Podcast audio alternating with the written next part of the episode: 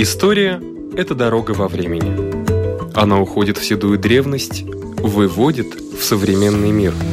Она показывает, рассказывает, объясняет. И не перестает удивлять. Живая история.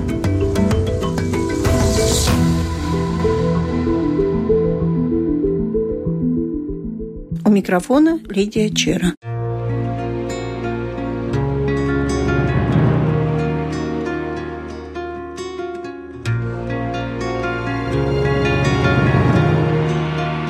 Памяти создателя антропологической школы Латвии, доктора истории, почетного члена Академии наук Латвии Раисе Денисовой посвящается. Антропология от греческого «антропос» – человек и «логос» – слово, учение. Наука о происхождении и эволюции человека, образовании рас и о нормальных вариациях физического строения человека, как самостоятельная наука сформировалась в середине XIX века. Антропология исследует физические различия между людьми, исторически сложившиеся в ходе их развития в различных естественно-географических средах. И в этой сложной теме мне помогут разобраться антропологи Айли Марница и Рита Гравера. Может быть, начнем с различия археологии и антропологии, а потом уже поговорим о, наверное, зачинателе этой науки у нас в Латвии Раисе Денисове, которую мы сегодня будем вспоминать часто. Ну, различие, конечно, несомненное. Археология занимается материальной культурой, а антропология занимается человеком вернее тем, что от человека осталось, если мы говорим о палеоантропологии. То есть сейчас часто антропологию называют еще биоархеологией, потому что все человеческие останки находят в результате археологических раскопок. Поэтому это еще больше может запутать неподготовленного слушателя или читателя, когда говорят археология или биоархеология. Но под этим подразумевается два разных направления, которые между собой очень часто связаны. Да, антропологии не повезло. Это не только первые различия Антропологии не повезло в том смысле, что сегодня есть культурная антропология, когнитивная антропология, социальная антропология. Но мы будем говорить о физической антропологии. И палеоантропология или биоархеология – это часть ее, которая занимается уже останками. Но антропология занимается и современным человеком. И в этой связи нашей латвийской антропологической школе примерно 150 лет, и можно сказать 140 лет назад в Московском университете биологической историческом факультете антропологического музея впервые в 1879 году выступали Юрьевского университета профессора Стидес три ученика, которые рассказывали первые исследования об антропологии латышей и эстонцев. Это в той связи, что Раиса Яковлевна родилась в 30 году, и она закончила Московский университет именно эту антропологическую кафедру. Она в 30-м родилась. В 30-м году, 30 августа, да. Да. Кончила латышскую школу, Карсовскую среднюю школу, почти не умела говорить на русском. Потом хотела поступить в Латвийский университет, но оказалось, что есть места в Московском университете, и она поступила туда, и фактически она единственный профессионально очень высоко квалифицированный антрополог. Поэтому с ней было трудно разговаривать. Хоть она умела раскрыть жизнь через человека, но она не умела говорить так популярна, да. да, и в этой связи ее квалификация. Ну и в этом году, 31 января, 88 лет, она ушла из жизни. Она оставила после себя книги, и эти книги посвящены этногенезу латышей, балтийских и финских народов. Да. Не только этногенезу, потому что вообще древнему населению без упора на этногенез, это у нее было одно из направлений. Одно из направлений. А когда, например, она занималась изучением скелетов, черепов из Звенигского могильника, из Киевуткаунса, там был не только этногенез, там была и демография, там много разных направлений. 140 лет. Родилась она как будто балтийско-немецкой среди антропологии, эти три работы. Потом латвийское время, когда занималась очень современным населением. Были обширные экспедиции, которые занимались медицинской антропологией, антропологией современного человека, включая полные большие программы. Но в 1944 году, когда было мало экранеологического материала, то есть которого раскапывали, но в 1944 году... Прошлого века. Да, 20 век. Мы вообще будем говорить в основном о 20 веке, потому что время деятельности Раисы Денисовой – это 1955 по 2000 год, когда угу. она фактически оставила Институт истории. И в 1944 году почти все эмигрировали, которые находились тогда в анатомикуме. Тогда там была латвийская школа, латвийских антропологов. И когда она приехала сюда, вернее, уже поехала в Москву и потом возвратилась возвратилась сюда, она начала исследование с того, с чего вообще началась послевоенная археология. Это с палеоантропологических исследований. Хотя в 1952 году московские антропологи здесь вели с 50 1952 по 1954 год огромная экспедиция по Прибалтике, потому что они изучали те народы, государства которых им были недоступны в 30-е годы. И тогда один из учителей Раисы Яковлевны написал очень хороший отзыв еще в 26 году о первой антропологической школе, о исследованиях латышского населения 11 тысяч военных. И вот у этого учителя, обрусевшего такого немца, Виктора Валерьяновича Бунака, Раиса Яковлевна училась. И Училась студенческие годы, аспирантура, и примерно в конце 50-х она возвратилась сюда, в Ригу, и начала с палеоантропологических исследований. И тогда понемногу собирался Плявинская ХЭС и собирался антропологический материал латгалов. И это ее первые исследования, которые она начала с латгалов. Восточных балтов. Начала она в этих 57-м, 58-й раскопки, 60-й, потом начались более обширные. И эти исследования показали такую интересную вещь, что те теории, которые были до этого, особенно такая была эстонского археолога Морес, что латыши и литовцы очень древние народы, что они антропологически и археологически происходят из каменного века, у нее получилась совсем другая, такая оживленная история, что примерно то время, когда второй, четвертый век, это Tautu staigāšanas laiks. Великое переселение Великое народов. переселение вот, народов. когда гунны были началом, импульсом великого переселения народов, а потом восточно-славянская экспансия, и тогда только появились современные латыши и эстонцы в том понимании, в каком понимании мы. И вот эти теории, это была такая первая интересная теория, которая как-то насквозь сразу вот эту древнюю-древнюю жизнь, как будто люди спокойно жили с каменного века до современности. И эта теория ей было такой очень шокирующей для нас. И потом на этой теории, конечно, она сделала экспозицию. Которую мы тоже смотрели. Это был 1980 83 год, да. И именно при подготовке этой экспозиции я с ней познакомилась. И идея была наша, исходила От музея. от музея. И естественно, что работать по этой теме мы могли только вместе с ней, потому что никто иной не мог дать нам столько информации, не мог быть таким консультантом, как она, потому что она... Эксперт. Да, Как сейчас говорят, да, эксперт. Да, потому что это были именно ее исследования. И она указала нам те направления, которые могли бы быть отражены в этой экспозиции. И так у нас появилась в 1983 году. Это первая экспозиция. Очень маленькая площадь была, 25 квадратных метров. И там был чисто антропологический материал, там не было места, конечно, для каких-то природных моментов, просто площадь не позволяла. Но там мы показали, как появилось какое население появилось первое на территории Латвии, как оно менялось, кто приходил и когда приходил. И для того, чтобы облегчить посетителям понимание, кто были эти люди, мы немного показали археологический материал, потому что та малость, которая встречается в учебниках истории по древнему периоду, она упоминается как археологические культуры. И чтобы связать вот эти понятия археологических культур с реальными людьми, которые тогда жили, нам пришлось немножко показать вот эту совместимость.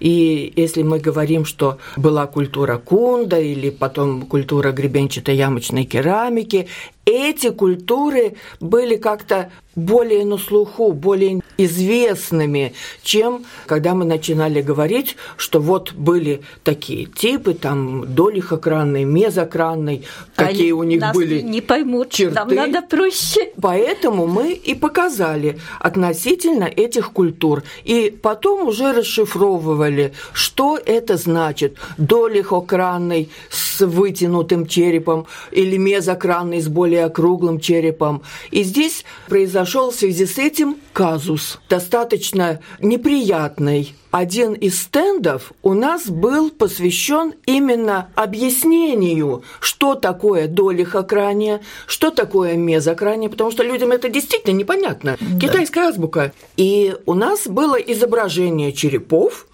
и были показаны направления измерений, как измеряются и как определяются, что это за черепа.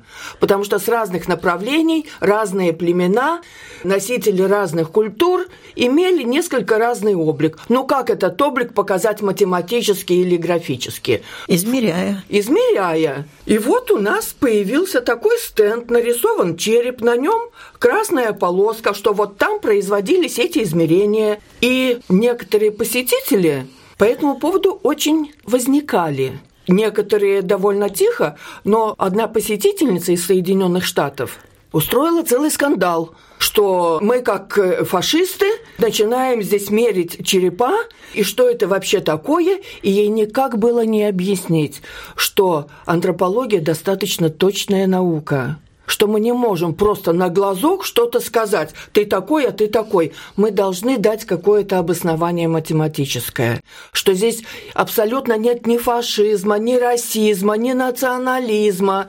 Что мы просто должны как-то охарактеризовать, показать разницу между одним черепом и другим черепом. Ведь никто же не обижается, когда у врача нужно взвеситься или измерить рост, потому что даже лекарства назначаются по В весу. да. В антропологии этой смысле не повезло. Но я хочу сказать, что в основу этой экспозиции легла ее докторская диссертация 73 года, часть ее, потому что там был эпоха камня, то есть самое древнее население, финны и балты, там была эпоха бронзы с этим пришлым, очень красивым, интересным населением, в котором она изучала семью и показалось, опять же, такие интересные вещи, что это не та семья в нашем понимании, что в древности все было совершенно иначе, что дети, маленькие мальчики, хоронились рядом с папой, то есть с 8 лет они уже считались мужчинами, они происходили процесс инициации, но все было новое, в ее работах как бы жизнь оживлялась, стало вот особенно понятно. Киевуткалский могильник потому в что, этом да, отношении для нее да. был интересен. Там она очень интересные закономерности показала и по захоронениям, по отношениям полов. Приходили мужчины с Европы, брали здесь финских женщин, они похоронены каждый с культурными традициями своими. И вот эта семья такой... Смешанная семья. А в могильнике Звейнеке она показала вообще очень интересную закономерность. Не просто приходили мужчины, а там, например, был мужчина, у которого две жены, и они все были разные по антропологическому типу. Вот оно, перемешивание. Так, а это было уже более шести тысяч лет назад? Это в связи интересно тем, как люди приходят. Они приходят, они могут сосуществовать, они могут не признать друг друга, они могут воевать. Это разные варианты этнических связей. Но это тоже... А могут и смешиваться? Э, Могут и Всё смешиваться. И это очень интересно. И так, как происходит здесь у нас, так происходит во всем мире. Потому что человек просто так устроен. И в этом отношении ее антропология оживлялась. Ну и в конце концов, с 64 по 68 у нее огромные антропологические исследования современного человека. Как изменился человек, и особенно мужчина, в 20 веке. Что осталось от того, каким он был в 19 веке, в 20-х годах, и как он изменился. Притом эти огромные исследования она взяла по трем большим программам. То есть впервые в Латвии она сделала программу по группам крови. То есть исследовала группе крови примерно 6 тысяч, 3 тысячи латышей и 3 тысячи литовцев, чтобы посмотреть, как балтские народы отличаются от финских и славянских народностей. Это тоже очень интересно. Вторая программа а у нее была... различие? Дермат... Есть. есть, да. И вторая программа была по рисунку подушечках на пальцах, дерматоглифическая программа. Ну и третья, конечно, современные измерения. Так получилось, что две книги она опубликовала, древние балты, средневековые балты, и вот эти современные народности. К сожалению, менялись времена, она оказалась первой, которая не нужна, и так эта книга не опубликована. Это целая эпоха, это легенда, можно сказать, послевоенной антропологии. Это тот перекресток, после которого в 2021 году начинается уже исследование на почве ДНК. Там... Это все подтвердило ее да. все исследования, которые она описала вот в этих своих книгах. Этногенез балтов, потом этногенез латышей, это 73 75 77 год. И теперь изучение ДНК подтвердило то, что она говорила тогда. Ну, это был действительно великий профессионал. Ну, она сплотила, конечно, не только нас тут в Латвии, и способствовал двум вещам. Во-первых, объединение антропологов Прибалтики, особенно Литвы и Латвии. И, во-вторых, все-таки она стояла у колыбели, опять же, новой антропологической школы, которая возникала тогда в 90-е годы в анатомикуме, то есть ауксология или изучение физического развития детей, которые сейчас занимаются РСУ, конечно, группа антропологов, и в этом связи она опять же стояла у этого порога. Поэтому в 2007 год она получила эту балву, приз 30-го года антрополога Приманиса за эти, за эти исследования и особенно за сплоченность антропологической школы. Но это был удивительный профессионал. Конечно, мы немного так побаивались, она была таким строгим учителем, но очень добрым в сердце. Вам было легко с ней работать? Мне ну, было легко с ней работать, да. Мы работали вместе над текстами, то, что касается первой экспозиции, вот что открылось в 1983 году, так получилось, что зав. отделом Юдиты Морейна ей как-то больше достались хозяйственные дела по работе с экспозицией. Но она как-то умела, так говорится, все это сделать. А мне приходилось больше работать именно с Раисой Денисовой и потом еще нести эти тексты в главлит.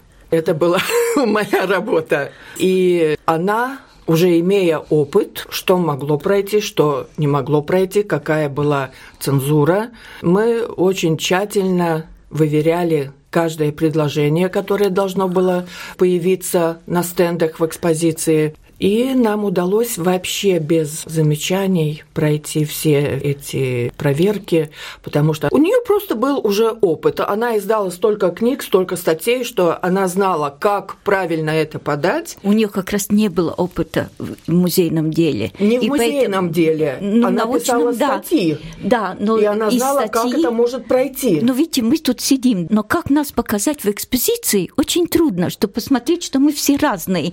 И в этом музейном деле деле для нее это было такое достижение показать, чем отличаются мы друг от друга. Но я хочу сказать еще об одном вещи. Она была русской в Латвии. И как в русской Латвии, окончивший же Московский университет, во-первых, она была не только профессионал, но у нее было вот это достижение, вот эта школа ее, которую она создала, группу антропологическую, которую она создала при Институте истории это оказалось таким дальновидным вкладом в то направление антропологии, которое существует сейчас. И в этой связи, конечно, ее вклад, эти 50 ее лет, это огромное достижение. Не говоря уже о последних экспедициях сотрудничества с финскими коллегами, когда, наверное, старшее поколение русских тоже будет э, вспоминать балтийский ген, так называемый, который она открыла по серологическим, по группам крови. Тут были очень интересные споры. В этом отношении это был человек, которого трудно забыть, настолько она была яркая, пышная, интересная многознающая.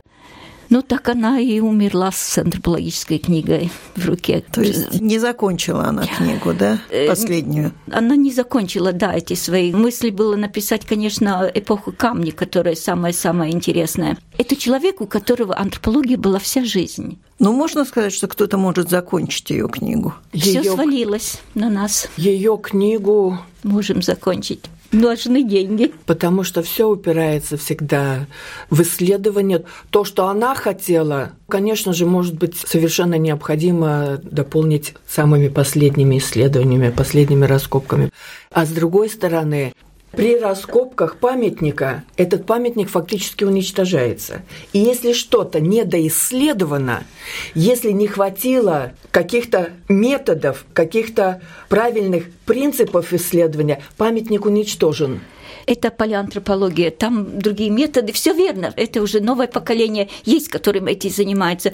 Но я думаю об этой книге о латышах 20 века, то есть начиная с 1878 по 2000 год, об этих латышах. 11 тысяч исследованных в 2020 году, послевоенные ее 6 тысяч, которые легли в основу именно об этой книге. Это было бы интересно посмотреть на народ, тем более с нашим народом тоже трудно сейчас бывает, уезжают люди и так далее. Вот эту бы книгу посмотреть, как развивался, как окреп, какая динамика у латышей за один 20 Но век. у нее есть наследники, которые могли бы распорядиться тем, чтобы дать возможность закончить эту книгу? Ах, журналист, при сегодняшнем понимании расы, этнической антропологии, оскорбления физической антропологии, что это российская наука, о чем мы говорим?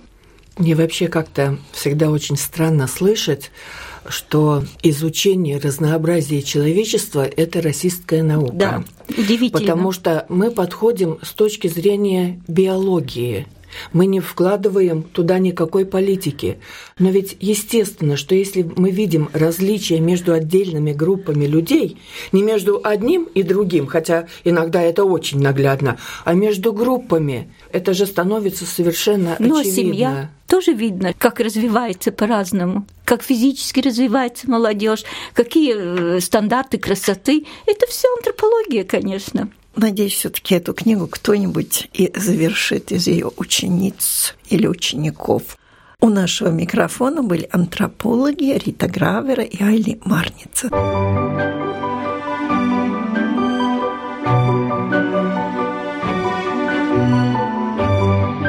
Сто лет Национальной библиотеки. Программа «Живая история» предлагает цикл сюжетов о раритетах, которые там находятся. Итак, заглянем в хранилище редких книг.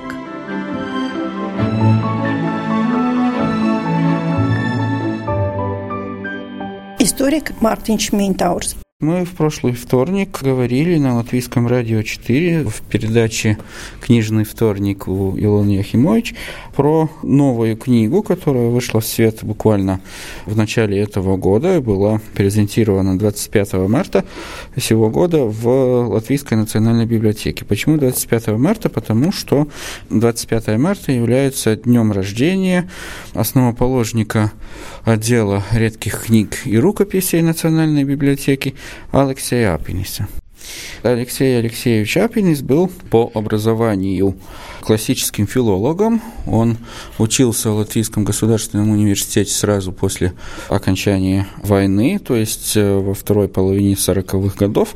Но, к сожалению, этот отдел классической филологии был ликвидирован в ходе реорганизации Латвийского государственного университета.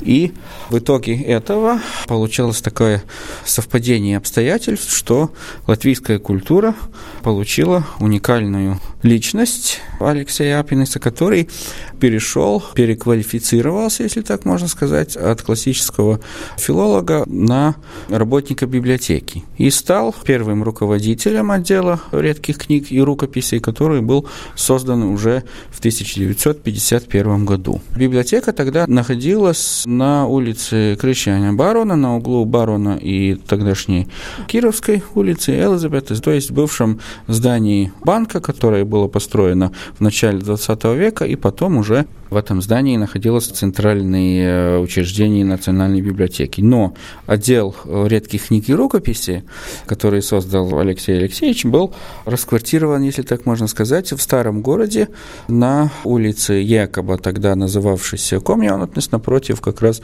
парламента, тоже в бывшем банковском здании э, постройки начала 20 века. Там находился этот отдел и хранил те сокровища, которые сохранились в распоряжении национальной или тогдашней государственной библиотеки Латвийской ССР после Второй мировой войны, после пожара, который унес с собой летом 1941 года часть Рижской городской библиотеки, которая располагалась тогда в ратушном здании. Но это здание, к сожалению, сгорело, и осталась только часть тех книг старинных, которые были потом разделены между государственной библиотекой и академические фундаментальные библиотеки Академии наук Латвийской ССР.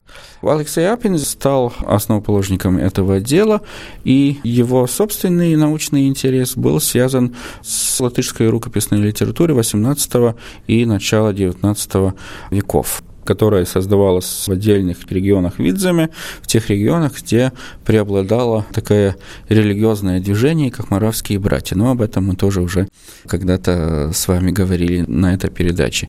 Алексей Алексеевич Апинис был по происхожденению тоже из крестьянской семьи во втором поколении, но он сам родился уже в Риге в 1926 году. И родился он в семье которая была связана с теми латышскими крестьянами, которые перешли в православие в XIX веке. То есть дед Алексея Апиниса, Андрей Апинис, был преподавателем в, в сельской местной волостной школе Мадонского уезда. Бучевская есть такая небольшая волость, где он преподавал в этой начальной школе. И сын Андрея Апиниса, тоже Алексей Апинис, отец Алексея Алексеевича, получил первоначальное образование в Рижской духовной семинарии, тоже православного толка. И потом вместе с этим учебным училищем уехал в 1915 году из территории Латвии в Россию и попал э, в Тульскую область. Во время Первой мировой войны, когда произошла эвакуация всех заводов, фабрик и учреждений из прифронтового города Риги, и Алексей Апинис тогда поженился уже в Тульской области. Жена его была по образованию врач. И потом они уже вернулись в 20-е годы оба в Ригу обратно, и здесь уже в 26 году родился у них сын Алексей Апинис. И такая интересная история, потому что действительно, как рассказывают те коллеги, те работники Национальной библиотеки, которые знали Алексея Акселевича Апиниса лично, он был человеком внешне довольно строгим, но очень заботился о своих подчиненных, о своих э, работников своего отдела, и именно благодаря ему этот отдел и был создан. И после уже смерти Алексея Алексеевича это читательский зал, в котором работают теперь люди, которые интересуются рукописным материалом или редкими книгами, тоже называется в честь его имени читательский зал Алексея Апениса. Надо было наладить работу, потому что часть книг, конечно, досталась от этих материалов, которые были в распоряжении библиотеки еще до войны, но совсем новая часть этого, работы этого отдела была связана с коллекционированием э, рукописного материала. И по ходу дела работы этого новосозданного отдела Государственной библиотеки там работал, значит, сам Алексей Апинес и несколько сотрудников, в том числе и историк Янис Земзарис, который занимался как раз коллекционированием для библиотеки рукописного материала. Но этот рукописный материал, манускрипты, они затрагивали не только те материалы рукописной литературы 18-19 веков, но в течение советского периода Алексей Апинес и Ян Ивана Земзарис смогли войти в доверие тех людей, которые были не очень доверчивы по отношению к советской власти, что они могут сдать на хранение, на депозит свои воспоминания и другие рукописные материалы, которые связаны с историей культуры Латвии.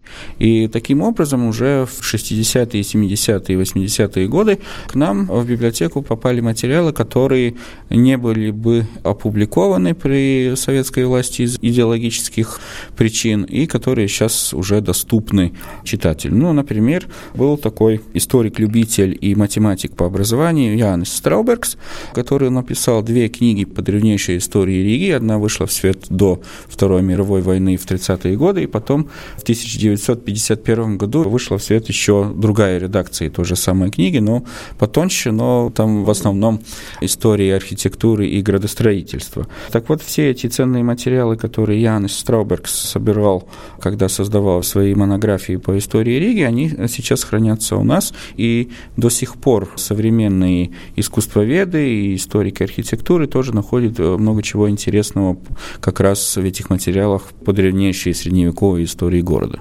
Он родился в 1926 вот. году, а когда умер? Умер Алексей Алексеевич Чапин в 2004 году, но по случаю его 90-летия в 2016 году происходила в Национальной библиотеке международная конференция. И вот теперь уже материалы этой конференции, статьи, рефераты опубликованы в отдельном томе научных трудов. На этом наша программа заканчивается. Всего вам доброго.